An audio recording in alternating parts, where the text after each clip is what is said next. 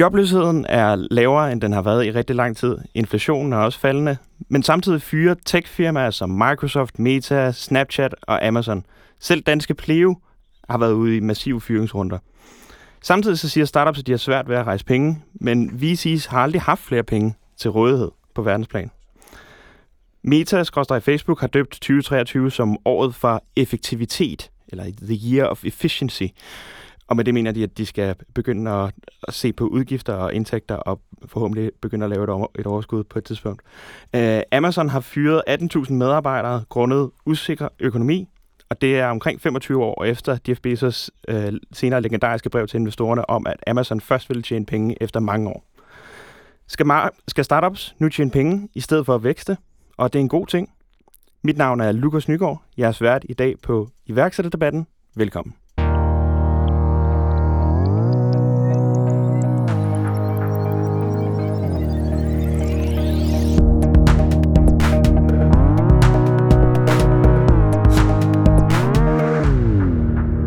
Og med mig i studiet i dag har jeg en trio af folk, der øh, har siddet på alle sider af bordet. Både investorer, iværksættere og folk, der har været her i gamet i rigtig lang tid. Og lad mig starte med dig, Mathias Geihed. Du øh, har været med i Trustpilot i det helt tidlige dage. Siden da, øh, eller efter det, startede du øh, virksomheden Europay, øh, hvor I rejste rimelig mange penge, så vidt jeg husker. Hvor mange penge var det, I fik i Europay i sin tid? Øh, vi rejste langt over 50 millioner. 50 millioner kroner? Yes. Så tænker man jo, at man må være på den gyldne gren. Øh, gik det bare helt fantastisk derfra? Øh, jamen, altså, vores, vores vækstrejse var faktisk super interessant, fordi vi ramte markedet på, på det rigtige tidspunkt, på det rette sted. Mm. Øh, så, så ud fra det perspektiv, der havde vi en, øh, en fed rejse. Men noget af vores, noget af vores helt store udfordring, det var selvfølgelig øh, kapitalfondenes vinkel på, at vi skulle vækste hurtigere, end vi gjorde. Mm. Og, og, og det gjorde bare, at vi endte vores rejse på en uheldig måde. Så I havde mange penge? Vi havde rigtig mange penge. Havde en god rejse? Vi havde en virkelig fed rejse. Kom vi, I mål? Vi kom i mål. Vi fik øh, lavet to SPA'er. Øh, vores, vores helt store udfordring var, at den første SPA blev afvist af, af Finanssynet. Nummer to SPA endte med, at øh, de to kapitalfonde, de, de købte selskabet. De købte os andre ud. Og Okay, så helt kort, var Europay en succes? Ja. Okay. Og nu har du så øh, startet endnu et startup, du er ikke til at stoppe, øh, som hedder IPP Europe. Yes. Det er også noget med at flytte nogle penge rundt. Har du også fået flyttet nogle penge fra investorernes lommer og over i din virksomhed? Øh, denne gang har vi prøvet at bootstrap os igennem det. Ja. Vi lærte rigtig mange ting første gang, og en af de, vil jeg nok sige, mest væsentlige ting, vi lærte, det var, at hvis du får penge ind for tidligt i virksomhedens levetid, så rigtig mange af de ting, som du ellers ville sige, det bør vi gøre på en anden måde, det får du ikke gjort, fordi investorerne har et fokus, og det er at løbe stærkt. Mm. Så hvis dit fundament ikke er lavet 100% ordentligt, eller du siger, at du er nødt til at udvide fundamentet, så er det ikke, så er det ikke øh, nødvendigt, at investorerne er enige. Okay. Så øh, du, har, du har prøvet at have 50 millioner, nu har du prøvet at, at have ingenting, øh, og øh, hvilken en af dem, der er den fedeste, det skal vi snakke meget mere om. Derudover vil jeg byde velkommen til Stine Mølgaard. Øh, Stine, du er jo selv i dag investor. En af dem, der øh, sidder på pengene, kan man sige. Øhm, derudover så har du tidligere været en del af det, der hedder Spektral, som I exitede til, ifølge TechCrunch i hvert fald, til Apple øh, for nogle år siden. Så på den måde kan man jo sige, at du er en succesfuld iværksætter. Hvordan føles det egentlig, det øjeblik, hvor man skriver under, eller pengene kommer ind på kontoen, og man er i mål med sådan en, sådan en rejse der? Jeg kan jo ikke bekræfte det, du siger, men øhm, jeg har fået lov til at sige, at Apple har det med at opkøbe startup-virksomheder. Øhm, når man øh, går igennem sådan en proces, så er der altid to sider.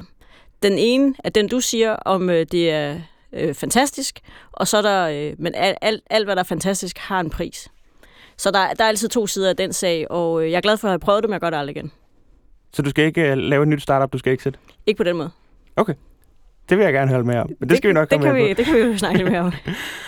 og så har vi Christian Bjerre Nielsen. Uh, du er co-founder og chief product officer hos uh, Equalio. Og så har du været i IT-gamet længere end nogle af os andre her i studiet, kan jeg vist godt afsløre. Til sammen. Måske endda til sammen. jeg, tror, jeg tror faktisk, hvis vi kigger på, på datoen i dag, så er det præcis 30 år siden, jeg startede. Er det simpelthen dit jubilæum? Det er lige før, hvad er det i dag? Det er den ja, 1. marts for 30 år siden. Okay. Tak. Øh, Det er simpelthen Godt, på tiden er flyver. Ja. Øhm, så du, du har jo... Øh, du har oplevet, at det går op og ned i showbusiness, som man siger, og, og måske især i, i IT-branchen. Lige nu der snakker vi meget om, at vi måske står over for en krise. Hvordan vil du sige, der hvor vi er nu, hvordan føles det i forhold til for eksempel dot-com-boblen, og du har faktisk også oplevet finanskrisen senere hen? Både og, ja. Øh, det, det er meget bedre nu, fordi du har et helt andet hvad skal man sige, miljø omkring det at lave ting. Øh, softwareløsninger, som folk måske eller måske ikke har brug for. Øh, tilbage i 2000 og 2002 var jeg med til en af de første EdTech startups her i Danmark, og det var simpelthen umuligt bare at få hardware op at køre. Jeg tror, at det, som jeg i dag får for mindre end 1000 dollar om året hos Amazon, det kostede 40.000 plus moms hos IBM. For én server, eksklusiv backup, eksklusiv adgang og data. Og det vil sige, nu har vi altså et helt andet økosystem omkring det, som gør det nemt at sige, lad os lige få banket en løsning sammen, lad os se, om der er nogen, der kan lide det, og hvis det er det, jamen, så kan vi køre videre. Mm. Så øh, nutidens iværksættere, det kan godt være, at der er nogen af dem, der brokker sig lidt, men de er i virkeligheden De, lidt forkælet. de er ret forkælet. De har det så nemt. Altså, Men det er det, de skal vide.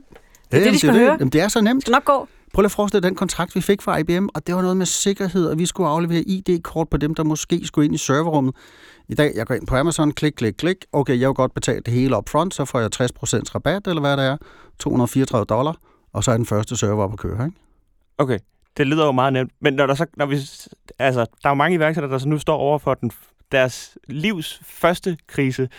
Øhm, tror du, de klarer den? Måske. Hvis de er benhårde til at fokusere, og det som vi i hvert fald prøver, det er, vi kan købe så mange stumper for 99 dollar om måneden, som vil tage mig 200 timer at udvikle. Mm. Og det er derfor netop, vi egentlig godt kan lide ikke at have for mange penge i vores beslutninger. Fordi så ender vi ikke med at hyre tre folk ind, som måske laver det, vi skal bruge, og så skal dem til at lave noget om tre måneder, når de er færdige med dimsen. Mm.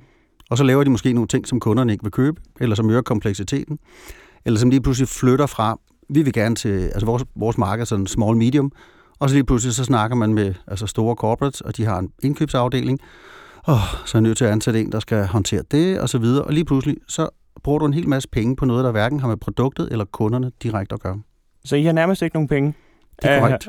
og øh, det nyder I virkelig meget. Det har den fordel, at du fokuserer utrolig meget på, hvad bruger du dem til lige nu, og er det noget, der skaber værdi for dig eller kunderne nu? Det er også noget af det, som vi kan se i vores bootstrap-rejse. Altså sådan, vi, vi, vi er overskudsgivende, så, så vi er selvfølgelig et positivt sted i, i, i den forbindelse. Men det, man, man får en helt anden for, forståelse for pengene. Fordi når du har 10 millioner kroner stående på bankkontoen, ja, der går 50.000, det er der en gudfred værre. Det tænker du ikke over. Men når du har 100.000 kroner stående på bankkontoen, så går der 50.000 til et eller andet, gud, så tænker du lige pludselig over det. Om du tager den rette beslutning lige nu. Så, så, så derfor, den rejse, der er rigtig mange startups, der går igennem, når de rejser penge, tror jeg også på, at kan være usund. Fordi man, man, man mister jordforbindelsen. Altså, der er et eksempel fra Copenhagen Fintech for omkring 10 år siden. Jeg var med til noget af det første, der skete der. Og der kom lige pludselig nogle søde fyre fra Aarhus og skulle præsentere deres øh, forsikringskoncept. De ligesom sådan noget crowd-forsikring, bla bla bla. Og så i forbindelse med, at han præsenterede det, sagde han, vi forresten også lige lavet en total rebranding med vores nyansatte øh, desktop publisher, et eller andet grafiker, ikke? Og så siger okay, du har ikke engang et produkt, som du er sikker på, at folk vil betale for, og så laver du dit brand om. Det kan jeg måske godt forstå. Men så fastansætter du en grafiker, ikke? Fordi når der er gået to måneder, så er der lavet et nyt brand, så er hjemmesiden lavet alle de grafiske dimser og videoer og alt muligt lavet, så har du ikke opgaver til personen mere. Mm. Og så brænder du 35-40.000. Jeg også mener, nogle andre, man skulle ansætte. Men der er faktisk noget i det finansieringsdelen og forståelsen i det, fordi det kan jeg også se, at øh, når jeg taler med andre af mine kollegaer i VC, så er man jo sådan et, man ved jo godt lidt, at når vi er på vej hen mod Serie A, så forventer man, at de har en rigtig god forståelse af hele den finansielle del og, og cashflowet og alle de der forskellige ting. Så den erfaring og viden, du får gennem at bootstrappe og kigge på dine budgetter og din financial forecast, det er det, man efterspørger, når du skal være klar til en Serie A, og der ved man godt, at man ikke har det. Så, så fordi man ikke har gjort den øvelse, fordi man bare har haft 10 millioner på kontoen, så er der ikke rigtig noget, der kan gå galt. Og det, øh, det kan jeg se, at det er det, man så skal blive bedre til. Så det er en, en ressource, man kigger efter, når man i VC-gamet laver due diligence til en serie A, fordi man vil have den kompetence, også på de små øh, omkostninger. Okay, så, så Mathias og Christian, I, øh, I nyder lige nu, at I, I har nogle startups, der ikke har, har særlig mange penge, øh, og det kan faktisk være en luksus, fordi så vender man hver en krone og får brugt dem godt. Men øh, Mathias, det, det du har gang i nu, øh, IPP Europe, er, er det egentlig en startup? Ja, nej. Øh, jamen, det er jo et godt spørgsmål. Øh, det vil jeg faktisk Det er et nemt spørgsmål. Ja, nej. Øh, det vil jeg faktisk våge den påstand at sige, øh, ja, det er det til dels. Men det er altså vende, vende noget af det miljø, som vi sidder i på hovedet. Og, og, og ud fra det perspektiv er, er mit svar også delvis nej. Det kan jeg ikke bruge til så meget.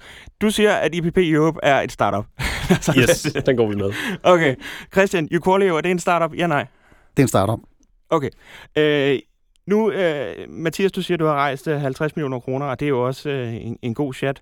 Men øh, jeg har ringet til en af dem, en af de danske, sådan, hvad skal man sige, rigtige iværksættere. Øh, en af dem, der har rejst rigtig mange penge og har været i Silicon Valley og øh, øh, bygget en, en, et kæmpe firma. Jeg har haft fornøjelsen af at på forhånd snakke med Heini Zachariasen, øh, som jo har startet Vivino. Og øh, nu tjekkede jeg bare lidt på Crunchbase. Vivino har altså til dato rejst øh, lidt over 200 millioner dollars, så det er ja, hvad, over en milliard danske kroner. Øhm, og jeg spurgte Heini, øh, hvad er en startup egentlig? Fordi nu står I begge to her og, og siger, at I har lavet en startup. Men lad os lige høre, hvad Heini han siger til, hvad en startup egentlig er. Det kommer her. Ja, jeg, jeg, jeg tror, det, det handler om, om mindsetet at være et startup. Altså, øh, jeg lavede en video for nylig om, altså, hvad er et startup for noget? Mm. Og, øhm, og øh, der brugte den tid på at forklare det, at det handler meget om, at du investerer meget, meget hårdt i starten, for at så komme tilbage senere. Altså, hvis du laver en lifestyle business, og du ikke får investorer ind, så har du ikke noget valg. Nu, nu vokser du formentlig lidt langsommere, men du har en virksomhed, der er break-even til profitabel hele vejen igennem. Ikke også? Mm. Når du er et startup, jamen så trykker du på speederen nu. Øhm, og i nogle gange er det, fordi den winner takes it all. Nogle gange er det, fordi der skal bygges noget teknologi for at komme derhen og få nogle fordele. Der er mange forskellige grunde til det, men fundamentalt set, det er det, et startup er. Det er, at nogen, hvor man investerer meget, meget hårdt i starten, for så måske at høste noget senere. Fordi man håber på, at man høster noget stort senere, ikke også? Mm, helt klart. Det er i min verden definitionen på et startup. Der er ikke noget, der hedder at bygge Uber langsomt. Altså, enten så bygger du Uber, eller så bygger du ikke Uber. Det vil sige, hvis du vil spille med, så må du spille med. Ellers så bliver der en lille spiller, der bliver squashed af alle mulige andre. Og det er også tilfældet i mange af de her software-ting. Det er, hey, der er 50, der konkurrerer om det i, i øh, sådan på, rundt omkring i hele verden. Og, øhm, og måske to-tre, der kommer til at vinde, eller noget i den stil. Ikke også? Øh, og så kan du så bygge en lille bitte business her? Men det kan du ikke, fordi hvis du, hvis du har et rigtig godt produkt, så skal du have 400 engineers til at styre det. Og så nytter det ikke noget, at du bygger det her langsomt med 7 engineers.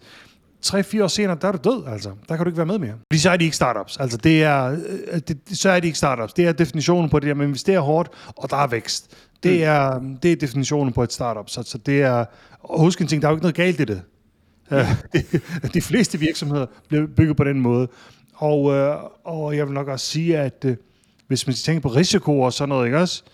Så er det tit klogere at bygge dem på, på den langsommere måde, end, end den måde, øh, man bygger et startup på. Startup er altså sådan hardcore, og de fleste fejler, ikke også? Det er realiteterne af det. Det er en del af gamet, at der er nogen, der ryger. Øh, og især, når der er rigtig mange penge derude, og presset er rigtig hårdt, altså. Altså, det ved nyere tid, du kan tage sådan noget som WeWork eller et eller andet, ikke også? Mm. De der virksomheder, som Softbank for eksempel er kommet ind i, jamen, de har hældt alt for mange penge i dem, alt for hurtigt, og lagt alt for meget pres på for, for hurtig vækst. Så, mm. så det er ligesom en balance, ligesom så meget andet her i livet, vil jeg sige.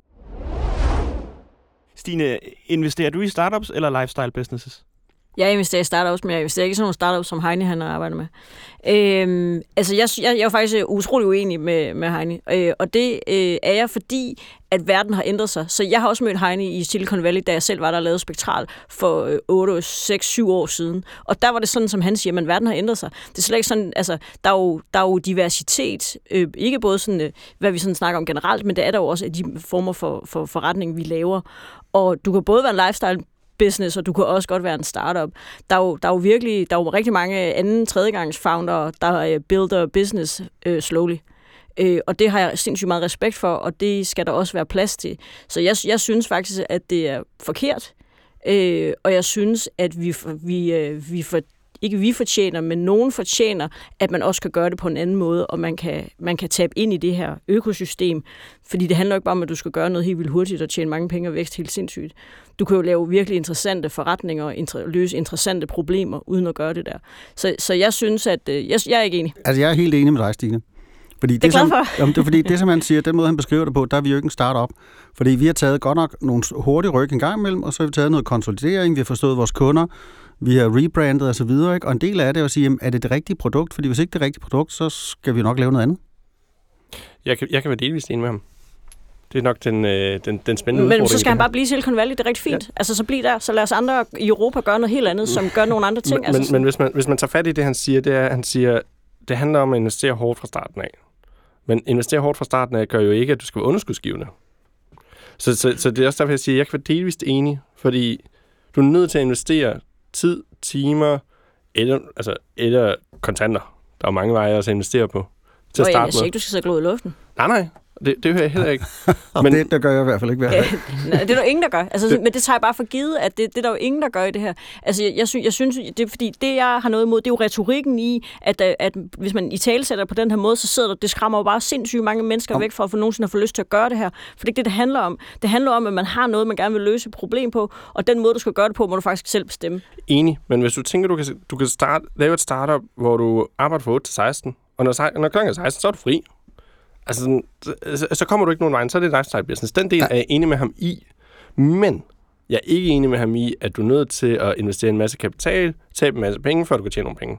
Den del går helt galt, fordi vi beviser lige præcis nu, vi kan sagtens investere, og vi kan også investere mange penge, men vi kan også tjene pengene imens. Det synes jeg er interessant, uh, Mathias, fordi kan, du- kan du lige prøve at forklare helt kort, det der, du har gang i nu, uh, fintech-startupet uh, IPP Europe, hvad, hvad er det der? Vi er en, øh, en open source platform, så vi deler al vores kildekode. Ja. Det, er, det er meget specielt at gøre i Danmark, har jeg fundet ud af efterfølgende. Mm. Øh, men vi gør øh, grundlæggende det muligt at starte en betalingsløsning på 5 minutter, så du kan gå ind på vores hjemmeside, oprette dig selv, eller downloade al vores kildekode, gør det hele selv. Øh, og så kan du simpelthen starte en konkurrent til QuickPay eller PentoPay på 5 minutter. Okay, så en konkurrent til QuickPay og PentoPay. Øh, jeg synes, jeg har set QuickPay, de har fået rimelig mange gazellepriser og også rejst ret mange penge. Og det du egentlig også konkurrerer med, kan, kan man sige, at du er sådan indirekte en konkurrent til Stripe, vel også? Øh, vi, vi, vi, vi, konkurrerer på, vi kon- konkurrerer på infrastrukturen. Ja. Så vi konkurrerer på den infrastruktur, der ligger inde bagved. Sådan en som Stripe, eller QuickPay, eller PentoPay. Okay, helt klart. Så det er i hvert fald, du, altså, du er jo i et marked, hvor der er nogle, øh, nogle kæmpe store spillere, øhm, men du har langt fra lige så meget kapital som dem. Hvordan kan du overhovedet konkurrere så? Fordi vi gør, vi gør tingene anderledes. Noget af det der, og det, og det er jo her, det er interessant, vi, vi spiller ud som open source. Fordi hvor du er vant til, i særligt den finansielle sektor, der bliver sagt, her er en kasse, og kassen ser ud på den her måde, og sådan skal den se ud, fordi det er der nogle andre, der har bestemt. Den del stiller vi spørgsmålstegn ved. Og derfor taler vi ind i, at vi er et startup. Vi stiller spørgsmålstegn ved, hvorfor tingene er i status quo. Hmm. Øh, og så siger vi, at du kan designe en betalingsløsning præcis som du vil. Hvis du er en designer, sidder i et webbureau, så kan du rent faktisk starte en betalingsløsning på, på et døgn. Okay, så I, så I en startup i form af, at I gør noget anderledes, men ikke en startup i form af kæmpe aggressiv vækst for millioner tidligt. Vi, vi er, Er du sådan en lifestyle business, er det det, du siger? Nej, jeg er for, jeg, jeg er for et exit. Øh, vi er et startup ud fra det perspektiv, at, at vi tror på, at vi skal investere nogle penge nu. Vi skal investere noget tid, rigtig meget tid nu. Til gengæld så kan vi exit det her om fem år. Okay. Øh, men vi tror også på, at vi kan tjene væsentligt mere ved at tage den ratio, som vi har gjort den her gang. Helt klart. Og, og Christian, I- øh, Uqualio, øh, prøv lige at forklare, hvad er det der? Jamen, det er en øh, videolæringsplatform, sådan lidt eller YouTube på steroider, fordi vi kan det, som YouTube ikke kan. Det vil sige, at vi kan se, om øh, Esben eller Stine har set videoen, og så kan vi tilføje en masse omkring øh, spørgsmål osv. Og så har vi administrationen, så du ret hurtigt kan finde ud af, hvem har set det, hvem har ikke set det. Du kan bruge det til compliance og alt muligt andet. Og så sidst, men ikke mindst, fordi det er lavet, så det faktisk går direkte ud til dem, der sidder ude i frontlinjen, og det er altså uanset, om det er med en device, eller om det er deres skærm, jamen så optager de bare og sender en video tilbage, det her det passer ikke, eller du optager faktisk kurset derude og uploader di- direkte og kan faktisk dele det fra telefonen. Sådan at du fjerner, skal vi kalde det, nogle af de lag, som i hvert fald de af os, der arbejder i større virksomheder, er rådet ind i i HR og Learning and Development Department og planlægning og alt muligt andet. Okay. Alle har en telefon, så kan de lave kurser. Okay. Det, der skal jeg bare lige forstå. Så du, du nævner, at I er YouTube på steroider. I hvert fald i den del af det, der har med, øh, hvad hedder det, med analytics og kontrol og sådan noget, ikke? Helt klart. Så I, I kan noget mere end, end YouTube til en, til en bestemt målgruppe. Korrekt. Uh, YouTube uh, blev jo opkøbt for... Er der nogen, der kan huske, hvor mange penge Google betalte for dem? En god slat, tror jeg. Jeg tror nok, der er en milliard uden, jeg er helt sikker. Ja, det, der, der, Det går der, der, der, går sådan lidt, rundt tal. ja, der, der, der går sådan lidt coiner for at den i Silicon Valley nogle gange. Det er sådan, hvad skal du have for den der? Ah, en milliard dollars. Det koster Instagram, WhatsApp, YouTube, whatever. Nå, men i hvert fald, uh, YouTube er en, en, en kæmpe stor forretning, uh, der har, har Google i ryggen, uh, som jo nok er noget af det inden for tech, der har allerflest penge. Og så sidder du og siger, at uh, I i Uqualio vil, vil bygge noget, der kan noget mere end YouTube uden pengene. Det forstår jeg ikke. Det er da ikke så svært, fordi igen, når du baserer dig på øh, de ting, du kan hente og, og strikke sammen osv. Fra, fra, fra komponenterne, så kan du med relativt få ingeniørtimer og udviklertimer faktisk lave noget, som giver cirka den samme oplevelse for den målgruppe, vi har. Og det er for eksempel virksomheder, der ikke kan lide, at deres video ligger ude på YouTube til frit tilgængeligt. De kan ikke lide den der playliste med deres konkurrenter, der dukker op. Og så bruger de det for eksempel samtidig til sådan noget som øh, garanti eller support eller et eller andet, hvor de netop har brug for det der. Det er altså ikke nok, at herr Nielsen eller fru Nielsen har scannet en QR-kode og set, hvordan man samler et IKEA-møbel. Det er faktisk en maskine til 100-250.000, som hvis folk ikke har bestået det, eller har forstået det, jamen så, så dækker garantien ikke, hvis der er en fejl. Mm. Så, der, så der er den der, hele det der lifecycle omkring produktet, hvor vores leverance faktisk bare er en del af deres øh, service og produkt til kunderne. Stine, der står to gutter her, og den ene siger, at han konkurrerer med, med Pensopay og Europay, som har fået rigtig mange penge fra, fra investorer. Øh, og den anden, Christian, står og siger, at han konkurrerer med YouTube og Google på, på noget, som de siger egentlig bare er, er smartere, øh, og de kender kunderne bedre end, end de andre. Sidder man så ikke sådan lidt som investor og, og bliver sådan lidt nervøs, fordi det du har, det, i godsøjne har du bare øh, penge. Du kan, du kan give de her startups, ikke? Så spørger jeg, om jeg give dem nogle penge, eller hvad? Nej, ikke... ikke øh, Og det kan godt være, hvis de er smarte penge. Smarte penge vil vi gerne have. Jeg skulle også sige, hvor meget vil du aflevere? ja, okay. Så det, det, der var stemningen vendte så hurtigt, at da de to bootstrapper lukkede penge. Men lad os lige uh, lege, at det ikke skete, og at de lige holdt sig til deres holdninger. Øhm, Stine, når, når du så kommer sådan to her, som siger, at de altså godt kan konkurrere med nogen, der har fået mange flere penge, øh, uden og, og, og skulle rejse lige så mange penge fra, fra investorer som dig. Hvad, hvad tænker du så om det? Men så tænker jeg, det er skide godt. Altså, øh, jeg, jeg, tænker, jeg tænker mange ting, men, men der, der er jo flere elementer i det her i forhold til sådan et... Jeg, jeg, har, jeg har kæmpe beundring for folk, der forsøger at prøve at løse nogle problemer helt naturligt, som bootstrapping jo er.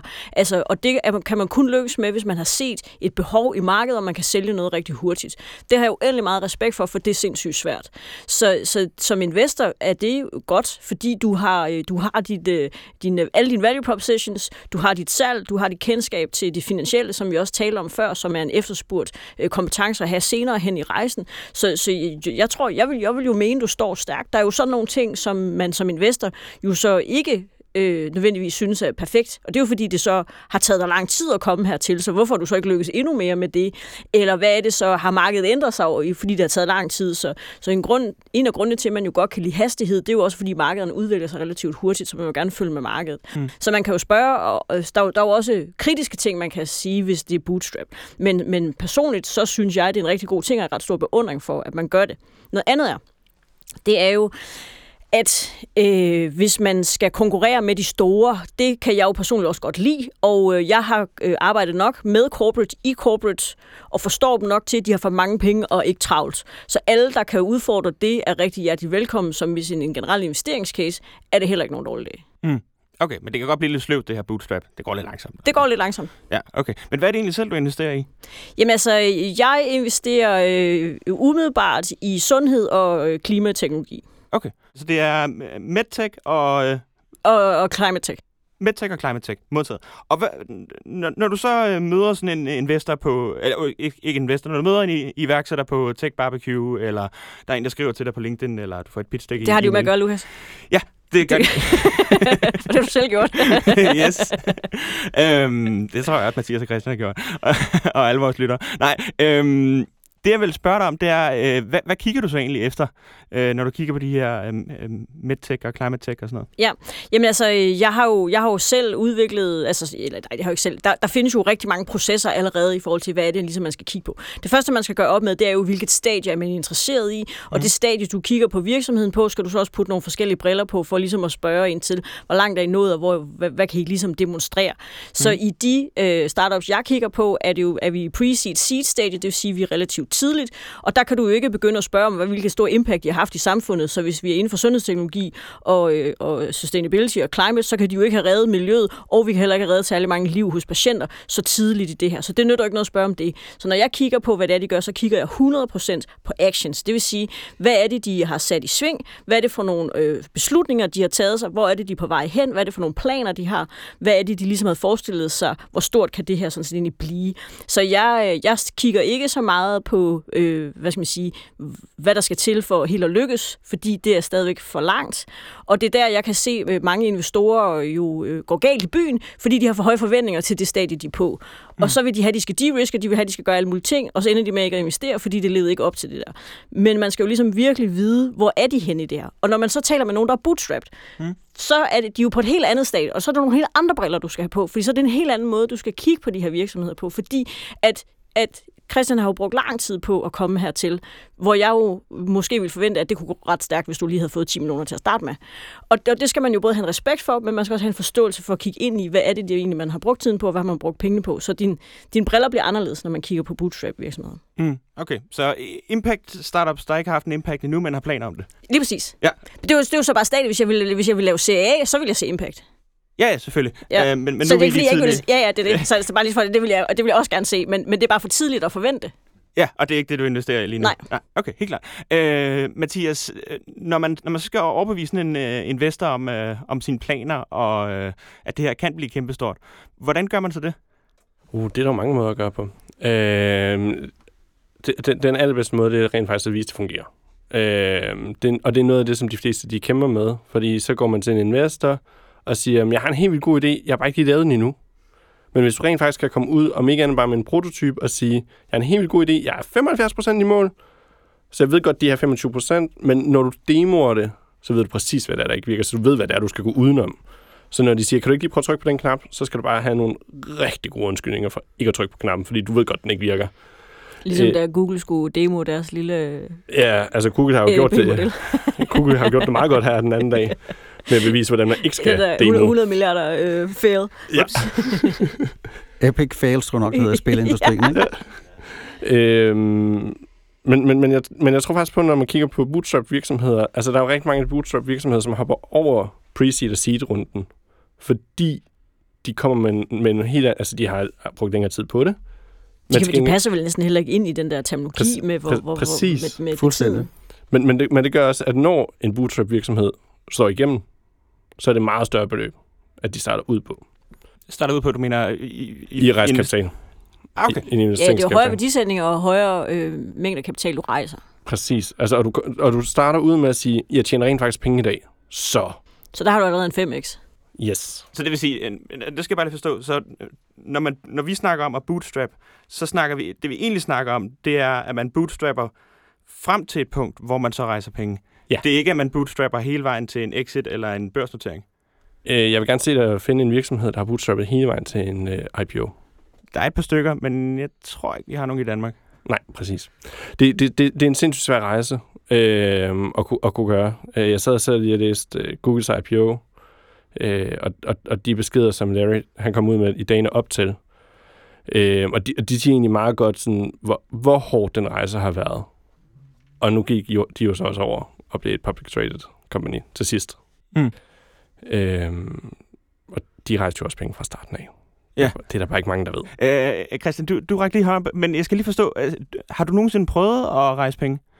Øh, Altså forsøgt?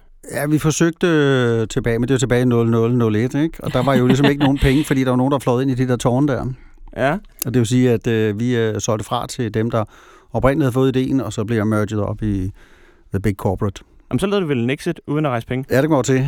Der var Der ikke har vi penge. en dansk case. så. Ja, der. fik, fik, fik, fik du så penge med? Ej, det gjorde jeg ikke. Oh. Men jeg fik et job. Nå, Så jamen, altså, det, det, det det, kan man også godt tage med, ikke? Ja. Og der bliver så hængende de næste 20 år, eller meget det var, eller 15 år. Nej, det som jeg godt ville lige bemærke til det, som du sagde, Mathias, det er jo netop, at for cirka et års tid siden, så var, havde vi jo Call jo inden for sådan et springboard, som er sådan en øh, erhvervsservice, som en af, jeg kan ikke lige huske, hvem der, er, der laver det. Øh, ja, det kan jeg Nå. Men det, der lidt var sjovt, ikke, det var, at øh, da vi så skulle præsentere, så sagde vi, om du kan lige se, hvordan det virker.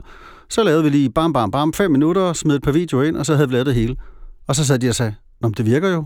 Øh, ja. De var simpelthen ikke vant til, at når folk kom og, og skulle, skulle validere deres idéer eller noget, at tingene faktisk virkede, når det blev demoet, og det var klar til at shippe. Altså hvis det skulle sendes ud, jamen, så var det klar på de der 5-7 minutter, vi brugte. Ikke?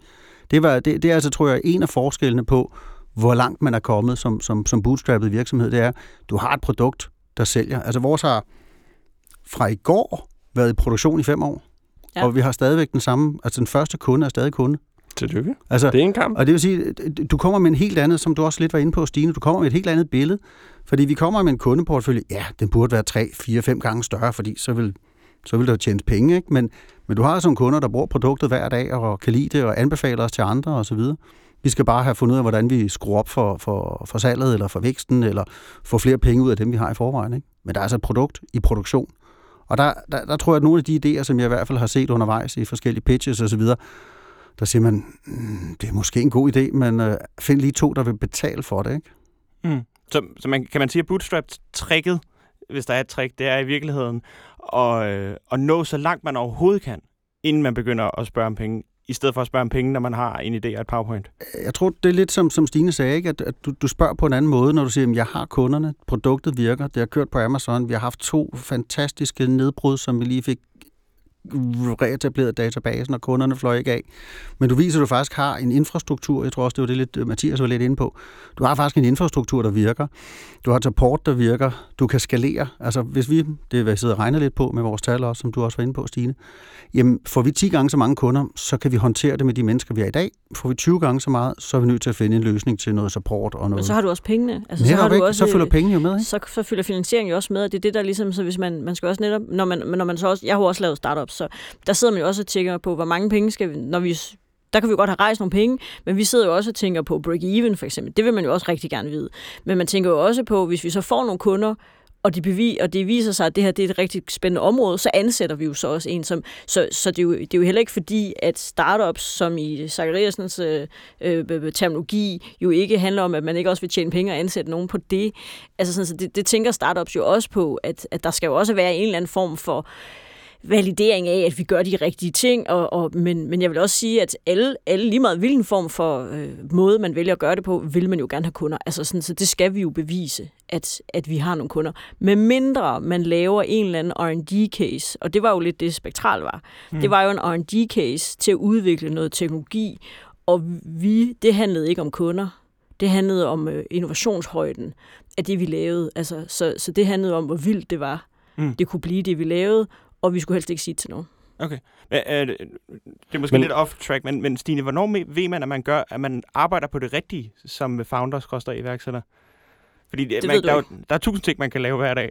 Ja, ja, men det ved du ikke. Det, altså, det ved du jo først, når du har været... Altså, sådan, så, jo, det, det gør man jo, fordi at så er kunderne jo ikke sådan en en-til-en kunde. Så er kunden jo i de her tilfælde øh, verdens største tech-virksomheder. Mm. Fordi de jo skal købe teknologien, kan man så sige. Ikke? Men når man, når man demonstrerer det for nogen, hvor responsen er, at vi har 150 ingeniører, der sidder og forsøger at løse det problem, I har løst, mm. Så ved man godt, at man har noget. Fedt. Men, men når man Okay, sidder som, ja. som venture-based Ja, ja, ja. ja. startup, så, og, og du lige præcis siger den der med, jamen, du, du, du skal vækste i, i faktor 10, hvor øh, i et bootstrap, der siger du, okay, det er okay bare at vækste i faktor 3. Øh, så gør det jo også, at dine investeringer, de kommer før indtægten. Og det er jo nok noget der, hvor den helt den store forskel mellem bootstrap og venture-based startups, de ligger. 100 procent. Vi, vi, I Europay, der var vi sådan, vi havde jo nogle øh, budgetter og så videre at følge. Nogle gange gik det rigtig godt at følge dem, andre gange gik det knap så godt. Øh, men, men noget af det, vi jo også øh, kigget ind i, det var, at vi sagde, jamen, hey, hvis vi kan bruge 5.000 nye kunder i den kommende måned, hvor mange medarbejdere skal vi så bruge for, at det her det kan lade sig gøre? Og så er vi nødt til at ansætte medarbejderne og sige, nu skal vi også bort. Mm. Så, altså, så, så, så det er jo to meget forskellige typer af rejser. Selvfølgelig. Men jeg tror, øh, det, essensen af det, det er, at, øh, at det er tid. Ja. Og, det, og det er jo det, som vi også snakkede om. Altså, sådan det, er, det handler om at så ligesom sige, hvorfor du taget fem år for noget, som en, en, en VC-fondet kunne have taget halvandet år om at gøre.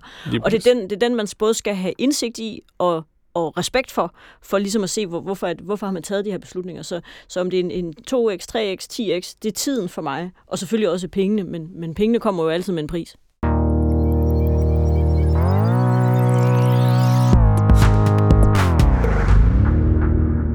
Noget, jeg godt kunne tænke mig at snakke lidt om, det er, hvad sker der egentlig, når man får for mange penge? Og kan man overhovedet få for mange penge som startup? Og øh, der kigger jeg over på dig, Mathias, fordi nu nævnte du lige øh, i, i introen, at øh, 50 millioner kroner fik I til, til YourPay. Øhm, og, og hvor mange penge fik du ud, da I lavede en exit? Øh, det, det er en helt anden rejse. Øh, det, der, var, der var ikke 50 millioner. Øh, men de to SPA'er, vi signede, den første, øh, vi signede, den var på 56, og den anden, den havde været på 210 millioner. Prøv lige at forklare, hvad en SPA er. Øh, det, det, det er en salgsaftale.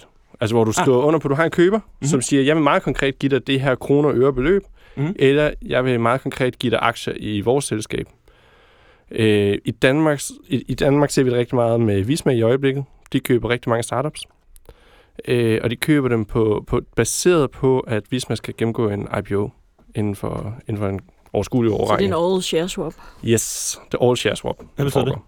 Det betyder, at... Øh, så det er en dårlig deal. Det kan være en dårlig idé. Det var jeg, der sagde det. Det var ikke mig. øh, ej, det betyder, at, øh, at jeg sælger mit selskab til dig. Mm. Øh, til gengæld, når du sælger, så går ud i en IPO, og, øh, og hvad hedder det, går på, på børsen, så har vi en eller anden aftale om, hvilken kurs jeg kan, øh, kan købe mig ind på. Så sådan en slags light pyramidespil på en eller anden måde. Ej, helt. Nej, der er jo, ikke- der er jo ikke en, øh, en direkte transaktion. Ja. øh, altså, og det er rigtigt, det, det, behøver ikke, det, det behøver ikke at være en dårlig deal, som jeg sagde, øh, hvis, de får, hvis de lykkes med det. Det er bare høj risiko. Det vil sige, du har jo ikke penge i hånden. Og det, vil er, sige, penge, det du- er fremtidige penge, det, ikke? Ja, jamen, det er det. Ja, Så- okay. Du, du, du satser på, at din køber bliver mere værd Ja. på sigt. okay. Og det er der mange, der, der gør med Visma lige nu. Øh, Ja, altså du kan, du kan sige, at alle satser på, at Visma bliver, øh, de er et par milliarder værd i dag, er mit bedste gæt. Alle Mm. satser på, at de bliver nok øh, 5x værd inden deres IPO. Mm. Jamen, så er det jo en virkelig god aftale, du har indgået. Fordi du er gået med på rejsen relativt tidligt, i en fastlåst kurs. Så hvis den, hvis den kurs stiger med 5x, jamen, så er det virkelig godt. Mm. Udfordringen er så, hvis den falder. Mm. Men også fordi, man kan, hvis man skal jo bruge det her til at IPO, skal de jo have en kæmpe tech stack, og de skal have en kæmpe offering. Så, så det er jo deres måde ligesom også at forstærke IPO'en på. Så, de, de, så, så har de jo ikke puttet nogen penge i markedet, de har jo bare puttet nogle shares i markedet. Så det er også den bedste måde for dem at gøre det. Så strategisk fra deres side er det helt rigtigt at gøre op mod en IPO, fordi du skal stå stærkt i markedet, lige så snart du går på børsen. Så, så det er rigtigt nok øh, for dem at gøre det, men for den startup, der gør det, kan man jo så, der har du bare risiko i rigtig meget, og det, det skal man også tage det i. Så jeg, jeg vil ikke nødvendigvis sige nej tak til det. Det handler jo bare om, at de vilkår, man, man gør det på. Og det, og det, ved- det kender vi jo selvfølgelig ikke teknikaliteterne i, fordi det er Mm. jo ikke offentligt tilgængeligt for så vidt. Men, øh, men, men der er mange af de der deals. Okay, men der er et, et, et dagens uh, pro-tip til uh, iværksættere i Danmark. Uh, hvis I har noget, der kan sælges, så prøv lige at ringe til Visma. De køber ting og sager. Uh, men vi vil den her ikke podcast først, fordi det er ikke sikkert, det er en god deal. Og så lad os tilbage til Europay-historien. øhm, fordi, uh, Mathias, så, så I, I har bygget... Hvor, hvor lang tid var I om at bygge Europay? Øh, jamen, vi startede i 2015. Ja, og hvornår sluttede det? Øh, 2020. Modtaget. Så en fem års tid. Ja. Og øh, I vækster, og øh, da er det på sit højeste, hvor, hvor meget om, omsætter I for? Øh, det kan jeg ikke se på nuværende tidspunkt. Men, øh, I, det- det, I måske været 20 medarbejdere eller sådan noget? Vi, vi var 35 medarbejdere. Og, og, og da jeg forlod selskabet, var vi overskudsgivende. Så det, det, det er gået udmærket, Det, det, vil, vil jeg sige øh, Ja. herindtil. Ja. Øh, og så når I så til et punkt, hvor I begynder at, at sige, det kunne sgu være, at vi skulle, vi skulle sælge det her, fordi øh, så bliver investorerne glade, og øh, du har måske set, der er lun på et sommerhus op i Nordsjælland, eller en, en lækker bil, eller et eller andet, øh, og så går I i gang med at sælge. Er, er det nogenlunde det, der sker? Øh, nej, for, for, for vores øh, vedkommende hen, vendte den faktisk øh, stik modsat. Okay. Øh, vi havde en af de største øh, finansielle selskaber i verden, som øh, ringede og sagde, I har fat i noget. Ja. Det skal vi have. Okay.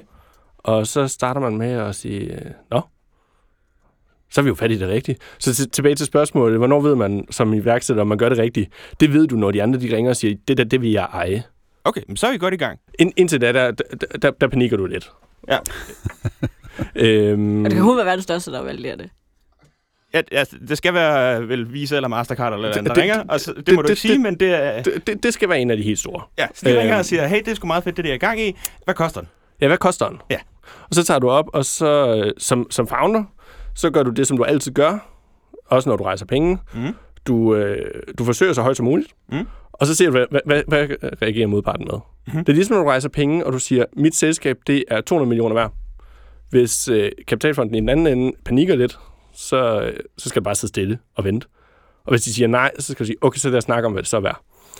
Øh, så, så det, var, det var præcis det, jeg gjorde. Mm-hmm. Øh, jeg tog til Stockholm, og, og vi mødtes, øh, køberne og mig, og havde en, havde en lang snak. De ville gerne lige forstå sådan, hvad var det præcis, vi gjorde? Fordi det, det vi gjorde, Det det, var da meget heldigt, fordi at nu var de jo i gang med at købe det. Ja, præcis. Og, og de var sådan, de, de kunne ikke helt forstå det, fordi nu, nu har de været i gang med at lave deres analyse, og igen, øh, store corporates, de siger gerne, at vi skal lige ansætte øh, 200 mennesker, for at vi kan lave det her. Mm. Og de er sådan, jamen, deres analyse, det var, at øh, det vi havde lavet, det kunne ikke lade sig gøre. Sådan meget tilbage til den her med, ansæt de rigtige mennesker og gør det på den rigtige måde. Så, Ja. kan, så kan du faktisk gøre mange ting for meget få penge. Så I har gjort det umuligt, Vi og havde de gjort, vil gerne have så en ding. Yes. Ja. Øh, og det betyder jo, at øh, jeg kom jo, jeg kom jo hjem med en aftale, øh, færdigskrevet SPA, og måtte præsentere den for vores investorer og sige, sige hvad så?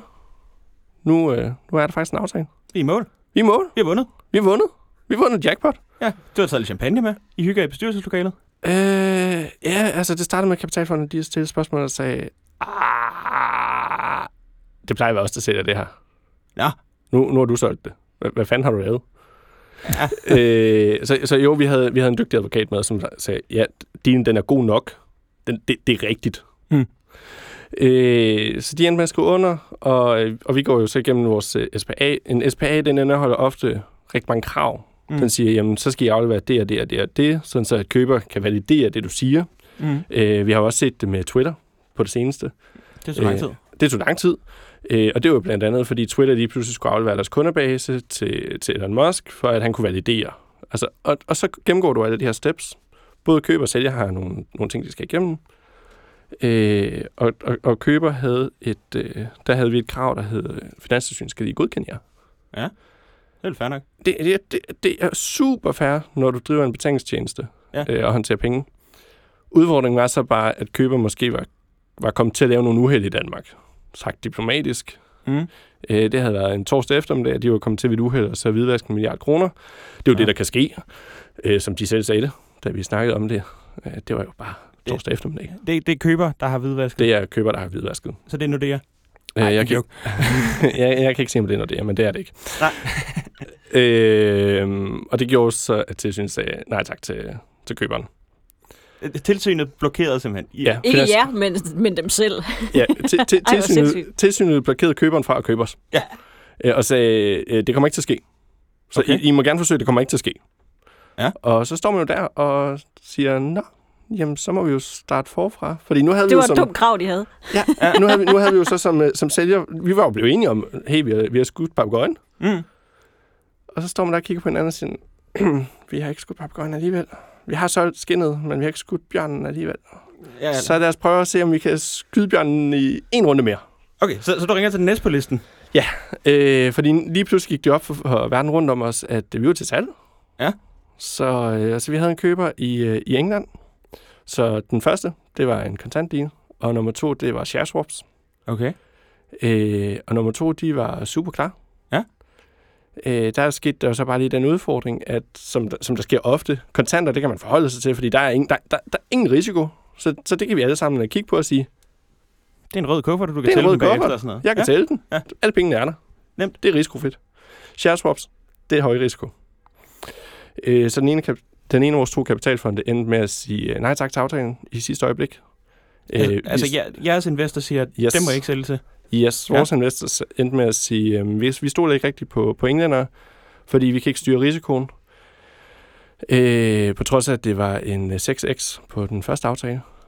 Øh, og så ville de selv gå ind og skyde pengene ind. Okay. Men, men vi var jo ligesom blevet enige om, at øh, vores rejse er slut i fællesskab. Mm. Så, så, så det er jo det der ulykkelige ægteskab, vi endte tilbage i. At sige, vi er enige om, at vi skal skilles. Nu skal vi bare ikke lige helt skilles alligevel. Ja. Øh, så, så det var... Åh, oh, fuck, det så lang tid, gør det? Åh, det tog lang tid. Der gik øh, otte måneder, så var jeg ude af selskabet. Ja. Øhm, og, så- og så Men gik så, så, så jeres investor endte med at købe jer ud? øh, vores investor endte med at kubbe os ud efter otte Okay, måneder. ja, så Kedeligt. endnu. Hvad siger du? Kedeligt. Men, øh, men, men det fede det var, at mange af de ting, som vi jo havde lært i løbet af de her 8-10 år i, i branchen, det jo sådan noget af det, som vi kunne sige, nu har vi rent faktisk chancen for at ændre alle de ting. Fordi vi har jo selv set en hel masse udfordringer, som, som Europay også havde gennemgået. Men, men det var jo også det, jeg sagde. Ja, for det er jeg glad for, at jeg har prøvet det, men jeg er ikke sikker på, at jeg skal gøre det igen. Præcis, jeg tænkte bare, jeg har prøvet det. Ja. Lad os prøve det igen. Som, som, om man, som om man ikke rigtig bliver klogere. Og jeg, jeg synes, jeg er blevet klogere herovre. Det det, man kalder en serieværksætter. Ja, det kan, det, det kan også være en måde at sige det på. Ja. Øh, så, så nu gør vi det igen. Nu gør vi det bare lidt anderledes. Ja, fordi Og- nu rejser I ikke penge. Nej, ikke, øh, vi har ikke rejst penge indtil nu. Vi har ikke rejst penge indtil Men, nu. I, men I- så det vil sige, I kører hvad skal man sige, den almindelige bootstrap, hvor I når så langt som muligt, uden at rejse penge, og så håber på at få en bedre værdisætning, når I ikke engang skal rejse penge. Indtil nu har vi ikke rejst penge. Okay, helt Det er- det- jeg, det- må- det er jeg mit meget korte svar. Mathias ad, fordi Mathias har jo nogle penge, han nok selv har puttet i, ikke? Vi, vi, Fordi han har, ikke har fået penge. vi, har, vi har nogle penge, vi har puttet i selv, øh, og vi har tjent penge undervejs. Og det har været sådan en af de helt store games i det her, at vi har vidst fra starten af, okay, vi skal kunne betale næste måneds løn. Det er jo en af udfordringerne som bootstrapped. Mm. Øh, så vi er nødt til at tjene nogle penge på dag nummer et. Øh, så vi er nødt til at, at, at, at tage den rejse i stedet. Ja. Okay. Og det har været mega fedt. Altså, Bootstrapping-rejsen. bootstrapping-rejsen. Men Ja. jeg er glad for, at vi havde taget VC-rejsen først. Okay, Fordi ellers så var jeg død i det her. okay så man, man skal lige vide, at den anden ikke virker, fordi det ser lidt fedt ud, når der er nogen i børsen, der rejser 100 millioner. Så tænker man, ah, det kunne egentlig være meget lækkert. Ja, det kan jeg også godt, det der. Ja. ja, ja det, er den, det er den tanke, man får. Men det er ikke sikkert, det er så sjovt i virkeligheden. Nej, det, lige præcis. Og, og du lærer faktisk rigtig, rigtig mange ting på en VC-rejse. Øhm, lige præcis den her med, at du lærer, hvordan du skal måle øh, indtjening. Du lærer at, at beregne frem på, hvordan tjener jeg penge, hvor meget kan jeg tjene per kunde. Øh, hvad, hvad er mine reelle omkostninger? Mm. Altså, og, og det er fedt, at du har rigtig mange penge, du kan finde ud af, hvad dine reelle omkostninger er på. Når du så bagefter går ud og siger, nu, jeg ved, mine reelle omkostninger, de er i det niveau. Mm. Så du har fået nogle andre til at betale for at finde og du har fået nogle andre til at finansiere den del, hvor I finder ud af, hvordan man gør det, og nu gør du det så selv. Ja. Smart. Men Øh, altså, det havde været smartere, hvis nu vi havde fået solgt til. Og Finanstilsynet havde sagt ja. Nå ja, så har du siddet i et sommerhus i Nordsjælland og ikke stået her sammen med os. Men det her er meget hyggeligt. Ja, det er selvfølgelig rigtigt. Jeg tror ikke, det er sådan lidt øh, nogle af vores typer her. Vi skal jo altid lave et eller andet, ikke? Præcis, vi, vi kommer altid tilbage. Ja. Altså, det er ligesom en, boomer, en boomerang. Jamen, det er, når du har været ude lige og trukket vejret, så skal du i gang igen, ikke? Om det så er på det ene eller det andet. Der har for eksempel har jeg besluttet mig for, at jeg skal ikke ind i big corporate. Men jeg kan godt se det her køre, som vi har gang i. Måske finder nogle, nogle partner, som har ja, enten kunderne eller noget, noget, noget markedskendskab, som vi ikke har, eller nogle markedsføringskanaler. Og så arbejder vi sammen med dem, og så kan det godt være på et eller andet tidspunkt, vi siger, Nå, fint, nu, nu skipper vi det af, ikke? Mm. Men som udgangspunkt er det nok mere sådan lidt over i bootstrap med mål om at få lifestyle med noget sjovt at lave hver dag. Det tror jeg faktisk er vigtigere end nødvendigvis at køre frem mod en exit med to, tre, ti gange, hvad det kunne være. Ikke? Så, så målet er at have et spændende arbejde, og ikke at lave en exit. Altså, kommer de rigtige penge, så siger man jo ikke nej. Men det er lige så meget at, at lave noget, som er nyttigt, og hvor vi siger, at vi, vi skaber sgu værdi for vores kunder, og vi hjælper verden hist og pist med lidt gratis øh, læringssystemer, og det synes vi er fedt. Fedt. Altså, Så- jeg, jeg synes, altså, jeg, jeg, jeg, jeg er stik modsat dig der. jeg, jeg, jeg, jeg, jeg, synes virkelig, det fede i bootstrap-rejsen, det er at sige, okay, hvordan kan vi lave en 10x'er på det der?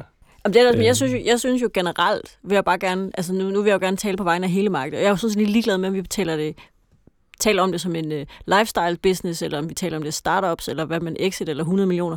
Jeg vil bare virkelig gerne have dem, der er sat i verden for at prøve at løse noget, et problem, de har en passion for, gør sig selv nogle tanker om, hvor vil de gerne have det her, det skal ende hen. Altså, øh, start with the ending. Altså sådan, så, så, jeg, så må du vælge på alle hylder, men man skal bare vide, at der er mange hylder at vælge fra.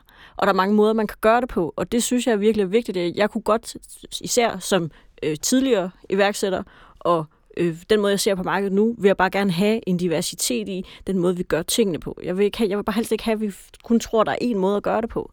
Og det er det, jeg synes, der er vigtigt at forstå, at, at man kan have forskellige mindsets, man kan have forskellige behov. Jeg synes godt, man må lave en startup for 9 til 4. Mm. Altså det, det synes jeg kun er fedt. Det har jeg kæmpe stor respekt for. Fordi man jo har nogle værdier, man har nogle, et andet mindset, og vi har brug for alle mulige forskellige måder at gøre tingene på. fordi at vi bliver syge af at lave alle det her sindssyge ting. Og der er mange andre, det har en, det har en pris at gøre det her. Ikke? Mm. Så, så jeg synes, at jeg, vil, jeg kan bare godt lide at høre de forskellige måder, Nå, nå, altså, der har vi for eksempel været involveret i, i nogle tiltag over for skoler og gymnasier og universitetet, hvor vi har været med i forskellige projekter. Og især på det der coding class, vi kører med det 6. og 7. klasse i Københavns Kommune, der er det med at give det min oplevelse af, at du kan faktisk være en startup, som arbejder med noget, som alle kan forstå, og så samtidig kan se, det er altså ikke kun kode, det er altså også noget med nogle historier, det er noget med noget support, det er noget med nogle sprog og så videre, og give dem et, et mere afrundet billede af, hvordan er der arbejde i altså tech-virksomheder generelt, men også at finde sin egen idé. Så det ikke bare er, undskyld udtrykket, fra 6 til 22 hver dag og ringer til, biber telefonen, og serveren er nede, så skal jeg fandme stoppe. Ikke? Men at man faktisk godt kan, kan, kan udvide det der billede med alle de andre roller, der også er en virksomhed som vores. Og jeg synes, det er det ansvar, vi har. Men, men når du kigger på en virksomhed fra 9 til 16, eller 9 til 17, altså, er, er det så et startup, eller er det bare en regulær forretning?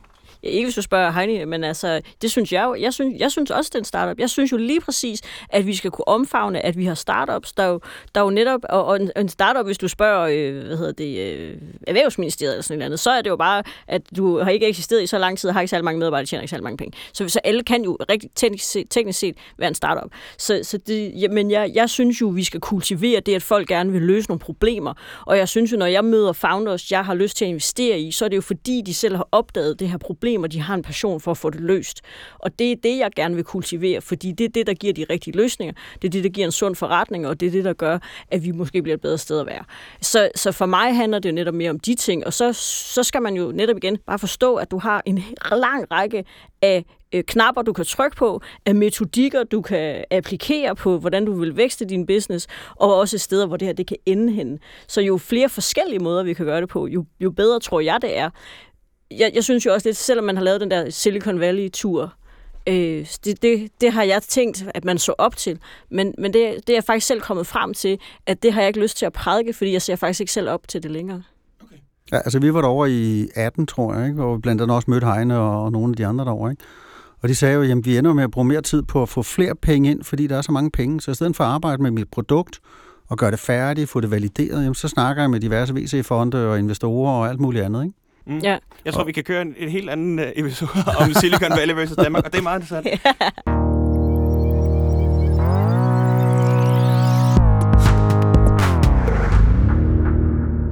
Her i den sidste sektion, der kunne jeg godt tænke mig at snakke lidt om, jamen, hvad er egentlig fremtiden for startup-investeringer? Nu har vi haft øh, 20-30 år med, med, med VC-investeringer øh, i, i tech-startups. Software as a service har været en stor ting. Øhm, og vi har så fået en, en vækstfond og en innovationsfond i Danmark, så selv den danske stat har begyndt at investere i startups.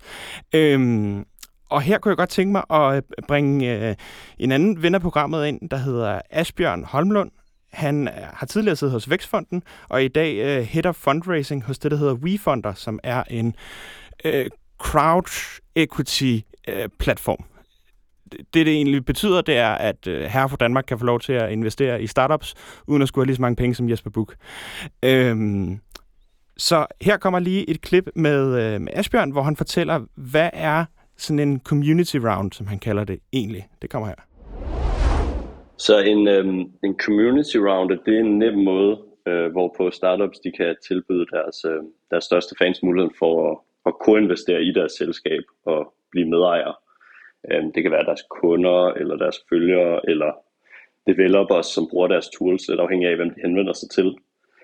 Og ideen med det er, at du så på den måde ligesom kan aligne interessen mellem selskab og din fanbase.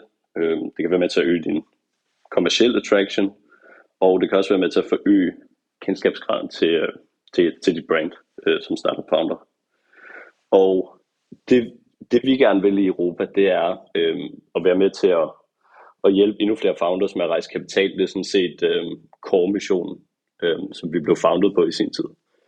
Og det kan i og for sig være både som traditionelle venture cases, øh, men det kan også være startups, som i dag har færre muligheder for at rejse kapital, simpelthen fordi de ikke sådan passer ind i den klassiske venture øh, checkliste. Og på den anden side, så vil vi også gerne i Europa øh, være med til at, at demokratisere adgangen til investeringer i, i private selskaber. øh, både for investorer i, i Europa og i, og i resten af verden. Og det er jo noget, der sådan historisk set ligesom har været forbeholdt øh, ja, de velbeslåede og, øh, og dem, der har de rette forbindelser. Øh, og det vil vi gerne være med til at, at lave om på. Okay, så demokratisere muligheden for at investere i startups. Det lyder jo næsten som om, vi alle sammen får lov til at være Jesper Buch øh, og sidde og, og rent faktisk være med i Løvens Hule. Øh, og nu rækker jeg alle sammen hånden op, men jeg vil rent faktisk gerne starte hos dig, Mathias, fordi det, du har lavet, det er jo... Han rakte ikke hånden op. Nej. Som den eneste. Det var meget smart. det er snyd, mand. Det er... Og det må du ikke, det må du ikke. Kan du Ja, det der på ja. universitetet der? Man må ikke pege på en, der ikke har rakt hånden op. Ja, ja, ja. Nu er vi heldigvis ikke øh, ude på universitetet og i den sektor. Det her er benhård iværksætterprogram. Mathias, øhm, nu, nu har du sagt, du skal nok ikke på en VC-rejse sådan lige med det samme. Kunne du finde på at øh, simpelthen lade dine brugere og fans investere i stedet? Har du nogle fans med, Mathias? Øh, jamen, det har fundet ud af, jeg har? Jeg, har- jeg har fundet ud af, at jeg har fans. Det vidste jeg slet ikke. Ja, men det, det, det Jeg fortæller vil jeg, godt være ikke. dit fan. Har de penge? Uh, ja, det, det kan så være mere i tvivl om. Uh, ej, det, det tror jeg, nogen af dem har. Uh, uh, ja, den, den, den rejse kunne vi godt gå ud på, men jeg tror, for lige præcis vores produkt, er det en VC-rejse vil være den rette. Uh, vores marked er, er resten af verden, uh, og, og Danmark er en meget lille del af det. Så for os at så forklare en hel masse danske uh, fans, og sige, det er en virkelig god idé, at vi tager alle jeres penge, og så investerer vi dem lige i at launch i England det, det, den kan være meget svær. Det kan være lettere for en VC-fond fra England eller fra USA at sige, okay, I er i Danmark i dag, I har valideret jeres produkt, nu vil I gerne launch i England eller USA. Det forstår vi. Vi kigger på casen, og vi støtter. Præcis. Okay, så, så Mathias vil ikke kunne overbevise sine fans om at investere. Det siger jeg ikke. Jeg siger bare, at, at forklaringen kan være væsentligt sværere over for fans, end over for en VC-fond. Fordi det er lidt teknisk og svært Mm, at forstå. Nej, for, fordi hvis, hvis du kigger på dine fans, så de vil gerne se dig lokalt i markedet. Mm. Altså, hvis du sidder som dansker, så vil du gerne se, jeg har investeret penge i det her, Mm. Og nu kan jeg selv bruge det. Nu kan jeg selv bruge det, og jeg kan se det på alle billboards. Det er det fedeste i verden. Mm. Men det kan man ikke med jeres, fordi det er noget, der ligger... Du har investeret noget, man skulle lige tage til USA og kigge på et billboard. Præcis. Ja. Den, den, forklaring kan være lidt svær at sige. Din investering var virkelig god. Hvis du tager til øh, Silicon Valley, så er vi på et billboard der. Okay, Jamen, okay så det, det er ikke for Mathias, men, men, men Christian, I, I Equalio, I, altså I har vel øh, mange Ja. almindelige mennesker som brugere. Ja, men det er stadig virksomheder, ikke, som bruger det til forretningsrelaterede ting, og ikke til at, at, at vise rundt omkring. Det kan sagtens bruges til det, hvis det vil. Men skal være helt ærlig, så er B2B bedre og nemmere og mere tilgængelig og direkte end B2C. Og man tjener flere penge. Ja. Plus, at det, som han lige beskrev her, det ved jeg ikke, om jeg har prøvet, men jeg har været med til et en investeringsforenings årsmøde eller investorpræsentationer, Det må du have været, Stine. Masser. Jamen, Ja. ja. altså, hvor man sidder der, og som 45-årig trækker du aldersgennemsnittet ned. Det er nogle mennesker, der har måske 1-2% af den totale kapital, der er investeret i fonden, og de stiller de samme spørgsmål igen og igen og igen. Det vil sige, at du ender med at have rigtig meget overhead på at vedligeholde din fanskare, i forhold til, at de køber altså højst 1% af de produkter. Ikke? Mm. Så vil jeg i hvert fald som ledelse i den fase, vi er i nu, og de næste mange år, medmindre man måske har sådan et populært B2C-type, så vil jeg kunne se en værdi i det. Ja. Men når det er B2B, jeg, nej tak. jeg noterede mig også sådan lidt, at det er jo nok en speciel type marked, man skal være i, for det her det giver god mening. Altså sådan, der skal være en vis kendskabsgrad, eller en vis, øh, hvad skal man sige, øh, man når, man når ud til en stor række mennesker med det produkt, man har, for det ligesom også er interessant. Så jeg tænker, at det, det, det er jo ligesom at lave, altså sådan, vi- vi har måske vel alle sammen prøvet at lave en Kickstarter-kampagne til en eller anden sjov idé, vi har fået. Altså jeg, jeg har selv prøvet at funde en, en bog, jeg skulle skrive på Kickstarter, det var mega sjovt, og det var kæmpe marketingstunt, fordi vi havde, vi havde solgt øh, hundredvis af bøger, inden vi overhovedet går i gang med at skrive den. Og det var mega fedt, fordi så var der jo nogen, der ville købe den, og så motiverede det til, at så skal jeg faktisk også skrive den der bog. Så, altså sådan, så der, der tror jeg, det kan rigtig meget i den der sådan mere sådan BTC-del. Men jeg vil bare sige, at min, min kommentar til det her er jo, at det her, det, jeg synes, det er en skidegod idé, fordi det er endnu et værktøj på hylden til forskellige måder, vi kan lave forretning på, forskellige måder, vi kan rejse kapital på, forskellige måder, vi kan, vi kan ligesom lykkes med, med den forretning, vi forsøger at lave. Så jeg, jeg synes, det her det er jo mega fedt, fordi at igen, det, det giver en anden adgang til markedet, når han så siger, at man vil demokratisere. Alle, der laver startups, vil demokratisere et eller andet. Så, Ja. så han har jo helt sikkert ramt den. Men, men, men jeg synes jo, at det er rigtigt, at vi... Jeg møder også rigtig mange, der spørger mig, at jeg kunne godt tænke mig at investere i nogle startups, hvordan gør jeg? Mm. Altså sådan, så, så, der er helt sikkert en appetit for det, fordi vi er meget mere øh, bekendt med, at det her det findes. Så, så det synes jeg er skide godt. Altså sådan, der er en, et tidspunkt i markedet, der er moden nu, og det er en, en, en, for en speciel type forretninger, kan det her give rigtig god mening. Men jeg kan godt forstå, at Christian Mathias ikke vil det. Mm. Det vil jeg heller ikke strategisk bruge Nej, altså- du selv altså, investeret jeg- på WeFunder? Øh, nej, nej, det har jeg ikke. Jeg, jeg investerer selv. Ja, okay. Og, og Ja. hvad med dine venner og veninder og sådan noget? øh? Øh, de gør ikke, men, øh, Det, Men- det, men mener jeg, har jeg- heller, jeg har heller ikke sagt, at de skulle bruge WeFunder, for jeg, ikke- jeg har ikke prøvet det. Altså, jeg, jeg, jeg kan i hvert fald se et produkt. Jeg har købt et, øh, en, øh, sådan en, der kan se, om der er god luft eller dårlig luft derhjemme, øh, som kommer fra Kickstarter rent faktisk. En dansk virksomhed, der hedder Canary. Super sejt produkt. Det er et super sejt produkt. Den, den er virkelig fed, så hvis I ikke kender den, I skal tage og kigge på den. Jeg har en derhjemme. Du har også en derhjemme, og det, det siger det hele, ikke? At øh, nu står vi tre rundt om bordet, så er der kun en, der mangler. Okay, men Øh, Mathias, men, men, men den vil passe godt til, til sådan en platform. ja, men et B2B-startup, ikke, not so much. Not so much. Okay, men så prøv lige en gang at høre, hvad, fordi jeg spurgte nemlig Asbjørn, øh, nu, i introen snakkede om, at generelt så er det svært at rejse penge lige nu som iværksætter. Det øh, tror jeg også mange af vores lyttere oplever. Øh, så jeg spurgte selvfølgelig også, også Asbjørn, jamen, hvad, hvad er egentlig stemningen inde på, på WeFunder? Så prøv lige en gang at høre det her. Det, det kan være, I får lyst til at hoppe på WeFunder alligevel. Jeg vil sige, at stemningen blandt vores investorer, den er, den er god, øhm, men der er ingen tvivl om, at, at vi ser, at der har været et dyk i sådan markedet generelt. Øhm, så hvis vi snakker om vores egen lille andedam, og det er ikke kun WeFunder, men også sådan community rounds øh, generelt, så har vi set et, et dyk i volumen year on year på, på omkring 30 procent. Øhm, det skal så ses i lyset af, at, at, at jeg kunne notere mig her for, for en uges tid siden, at, at venture-markedet og, og sådan risikovillig kapital generelt er nede omkring øh, 60 procent på nuværende tidspunkt. Øhm, og at vi selvfølgelig også alle sammen kommer fra et meget historisk år, når det kommer i forhold til deployment, og også på visse områder, ligesom en, øh, i hvert fald inden for visse vertikaler, en, en boble, som er bræst. Ikke? Så det var nok ikke så, øh, så overraskende som sådan.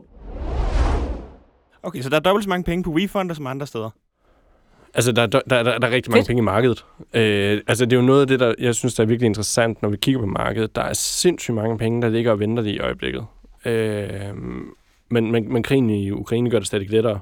Øh, den anden dag kom den ud også, at der er rigtig mange danske virksomheder, der flytter deres investeringer fra Kina til Vietnam. Mhm. Øh, så, så der sker nogle ting rundt omkring i verden i øjeblikket, og kapitalfondene sidder oven på pengene. Så pengene er der, men vi kan ikke få lov til at få dem. Pengene er der, og de rigtige startups kan godt få lov til at få dem.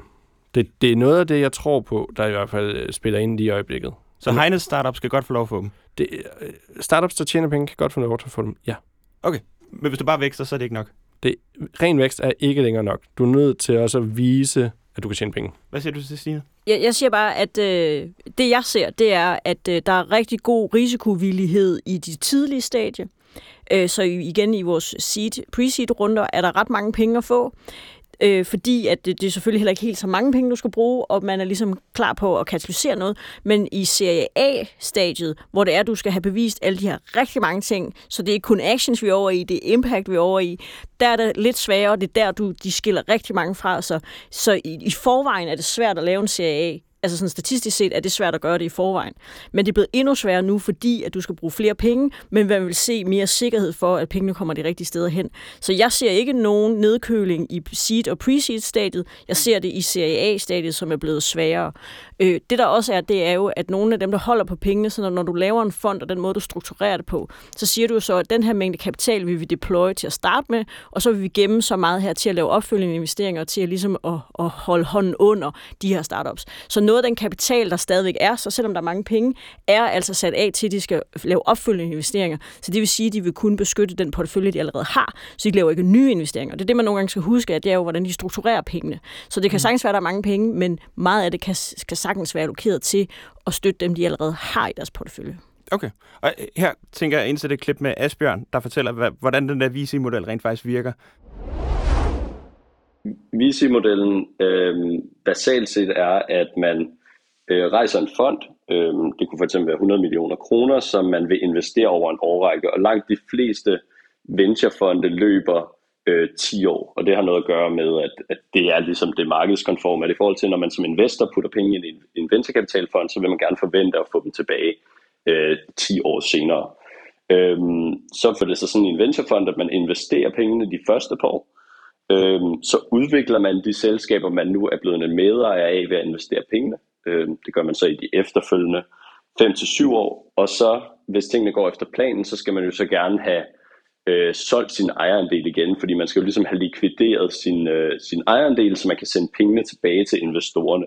Det kan jo så enten være, at man sælger selskaberne til en private equity fund, det kan være, at de går på børsen, øh, det kan der være mange forskellige muligheder for, for exit der. Og øh, grunden til, at man ser den her model, hvor øh, altså for det første skal det siges, at grunden til, at man ser, at 9 ud af 10 startups, eller 8 ud af 10 startups, hvordan man nu definerer det, de fejler, det er jo selvfølgelig, at det er øh, enormt risikofyldt at, at investere i tidlige øh, startups. Det er også noget, vi er meget transparent omkring det, vi laver.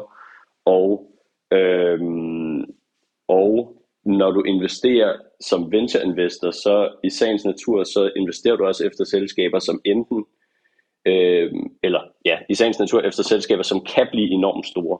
Fordi du har behov for som investor, at hvis de lykkes, så kan det blive en meget stor succes. Dels fordi det er relativt få, øh, som lykkes, og dem, der så lykkes, skal gerne blive øh, meget store finansielle succeser, fordi ellers tjener du ikke din fond hjem. Så laver du ikke et godt nok afkast til, at du kan øh, ligesom retfærdiggøre over for dine investorer, at de har puttet penge ind i din fond, og ikke ind i alle mulige, øh, alle mulige øh, andre ting.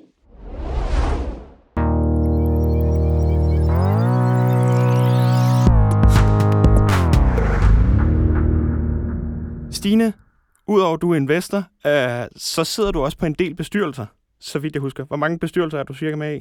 Øh, fem. Fem, okay. Hvad er stemningen ude i bestyrelseslokalerne lige nu? Er der krise, optimisme eller jubel? Det kommer an på, hvem du er, der sidder inde i bestyrelsen. Så hvis du er mig, der sidder i bestyrelsen personligt, så er du selvfølgelig meget optimistisk, fordi jeg kan godt se, hvad der sker i markedet. Så jeg tror, jeg, tror, jeg, jeg kommer der altid med at finde løsninger på problemerne. Der er også nogen, der ser, ser mange problemer. Stemningen er, øh, er op og ned, øh, og øh, fordi vi jo netop, som vi lige talte om før, at det er nemt at få penge tidligt, det er sværere senere, så er der mange flere ting, du skal bevise. De startups, jeg sidder i, er også nået til et modenhedspunkt, hvor det er, at de skal bevise mange flere ting. Så er der selvfølgelig også mange øh, flere udfordringer, vi skal tage hånd om, men jeg ser ikke noget nu, der ikke kan løses. Og jeg ser ikke noget nu, der heller ikke skal, hvad skal man sige, vi skal jo, vi skal jo finde ud af, hvordan vi gør det. Vi sidder jo alle sammen i, i, de, start, i de startups, jeg sidder i, løb, for at forsøge at løse nogle problemer, der ikke er løst før. Så, mm. så jeg, jeg er meget optimistisk på, at vi nok skal finde en vej omkring det, men, men jeg vil sige lige meget, hvad der sker omkring i samfundet, tror jeg, det ville have været den samme stemning. Mm. Altså, så jeg, jeg tror ikke, at der er den ydre påvirkning er, hvad skal man sige, afgørende for det her. Det, der gør, som er svært, det er jo, at vi navigerer i et fuldstændig uforudsigeligt marked. Og det synes jeg er ret vildt at mm. gøre det. Og det er lidt svært nogle gange at gøre det med nogen, undskyld Christian, med nogen, der er meget gamle, som ikke har prøvet de her ting før. som ikke har prøvet de ting før. De gamle har jo prøvet alt før. De har prøvet de her ting før, men jo ikke på den her måde. Det er også det, som Christian siger, at han er sådan set egentlig ikke nervøs. Men, men der, der, er jo, der er jo behov for, at der er nogen, der prøver at sætte sig ind i, at vi, det er nogle helt andre vilkår, vi skal operere under. Så vi er nødt til at, at tage hurtige beslutninger. Vi er nødt til at prøve at tænke det på en anden måde. Vi kan ikke finde øh, strategierne frem for gamle dage. Vi kan ikke finde, øh, hvad skal man sige, de uh, metrics frem for gamle dage. Vi er nødt til at komme ind i bestyrelseslokalet med nogle helt andre åbne øh, idéer til, hvordan vi kan forsøge at løse det her. Vi, vi kan ikke tage strategien fra .com op den, og lige gentage den en gang mere. Ja, det, det kan Christian i hvert fald bekræfte, det kan vi overhovedet ikke. Fordi det er, jo, det er jo det helt andet marked, og det går meget hurtigere. Ikke? Det, det. Du er nødt til at kunne svare på, jamen hvis vi nu skaffer jer det her, hvad kan I så gøre med det? Ikke? Hvis du fik fem mand ekstra, hvor vil du så sætte dem hen? Ikke, ikke så meget, hvad de skulle lave, eller om du havde en fuldstændig cost-benefit og alt muligt andet. Hvis du fik fem mand i morgen, hvad skulle de lave nu, der forøgede værdien af din bæks? Mm. Og det skal du kunne svare på. Og så kan du også sige, så spørger de så, og det, det, det er noget af det, som jeg har hørt fra en af mine kammerater, der sidder som bestyrelsesformand i en dansk, øh, ej, de nok scale op efterhånden, ikke? Så kommer lige et bestyrelsesmedlem, der lige skal være smart og siger, har I taget stilling til, hvordan I vil bruge AI i Bixen? Prøv at høre, nu sender du, bestyr, nu sender du direktionen afsted i en retning, der ikke har noget med salget at gøre. Altså man skal, man skal finde det der, jamen er det det rigtige spørgsmål at stille nu, ikke? Ja. Og der er lidt indtryk af netop dem, som har læst undskyld børsen og sagt, det her det er hot, det skal vi spørge om, ikke? De, de får altså sendt nogle, nogle, nogle founders eller nogle, nogle, nogle startups i en, i en forkert retning. på et Mm. forkert tidspunkt. Men, men, men der handler det også om, om du er øh, first time founder, eller om du er second time. Fordi first time, der, hvis, hvis et bestyrelsesmedlem spørger om noget, så løber du. Fordi de må helt sikkert vide, hvad de taler om. Når du har prøvet det før, og Så sidder du, anden eller tredje gang, så "Nej, tak." stiller du spørgsmål der retur og siger, hvorfor spørger du? Øh, Så for at svare på dit spørgsmål, så stemningen, er, hvis du spørger mig, er god, det skal nok gå, og vi skal nok løse med de her ting. Fedt. Christian, hvordan er stemningen? Den er god. Vi øh, ser simpelthen, Jeg vil at gerne sidde det der sted, hvor Christian sidder. Du kommer bare forbi til kaffe, ikke? Fedt. Hvad, Mathias, du, du sidder jo også og flytter penge rundt i Danmark. Er der, er der gang i omsætningen? Der har, jeg tror aldrig, at der har været mere gang- gang i omsætningen i Danmark, end der er i øjeblikket. Halleluja. Så, Det kan du så, også bare se på BNP'et. Altså, det, er jo, øh, ved, det, det altså, er vildt. altså, se- selvom folk holder på pengene, så bliver der flyttet virkelig mange penge. Til gengæld, der hvor pengene bliver flyttet i øjeblikket, er meget anderledes end de billeder, som man har set tidligere. Øh, noget af det, som, som vi kan se, det er, at øh, fordi vi sidder i transaktionsøjeblikkene, øh, så har vi mappet alle transaktioner ud på fors- forskellige forretningsområder. Så det vil sige, at vi kan se, om det er frugt, der bliver købt, eller om det er t-shirts. Og ikke bare, hvad Erhvervsstyrelsen siger, men rent faktisk, hvad forretningen laver. Hvad bliver der købt i dag? Øh, det kan jeg ikke sige dig præ- præcist, men jeg kan i hvert fald sige, at øh, de MCC-koder, altså de forretningskoder, der bliver handlet på, har skiftet rigtig meget det sidste år. Køber folk t-shirts, frugt eller software? De køber dagligvarer, de køber hverdagsting frem for luksus og, og den del. Jamen, har de også købt alt under corona, som de manglede, ikke? Yes. Men, men, men hvor, man, hvor man nok havde... Altså lige efter corona, der, der var der et billede af, at luksus, det steg helt vildt. Fordi nu var der ikke længere corona. Nu skulle du på skiferie, nu skulle du ud og altså, nyde livet, nu skulle du på spareophold. Altså, der, der skete et virkelig skred i, hvad brugte folk penge på. Og det skred er på vej retur, og det er endnu vildere i øjeblikket på Mm. returrejsen. Okay. Sidste, aller sidste spørgsmål, og det er et ja-nej-spørgsmål, så den er nem. Øh, Christian, er venturekapital overordnet en god eller en dårlig ting for verden? Det er en god ting. Mathias, er venturekapital overordnet en god eller en dårlig ting? Det er en god ting. Hvad siger du, Stine? Det er lort. Hvorfor? Nej. øh, jeg siger, det er en god ting, men det kan blive bedre. Lad os prøve at gøre det. Det tror jeg er ordene for i dag. Tusind tak, fordi I gad, gad at være med. Mathias Gejhed, Christian Bjørn Nielsen fra Uqualio, Stine Mølgaard, og øh, med os havde vi også øh, Heine Zachariasen, som I kan høre meget mere og- af på hans YouTube-kanal Raw Startup, og øh, vi havde også Asbjørn Holmlund med fra WeFunder. Tusind tak, fordi I lyttede med. Tak. Selv tak.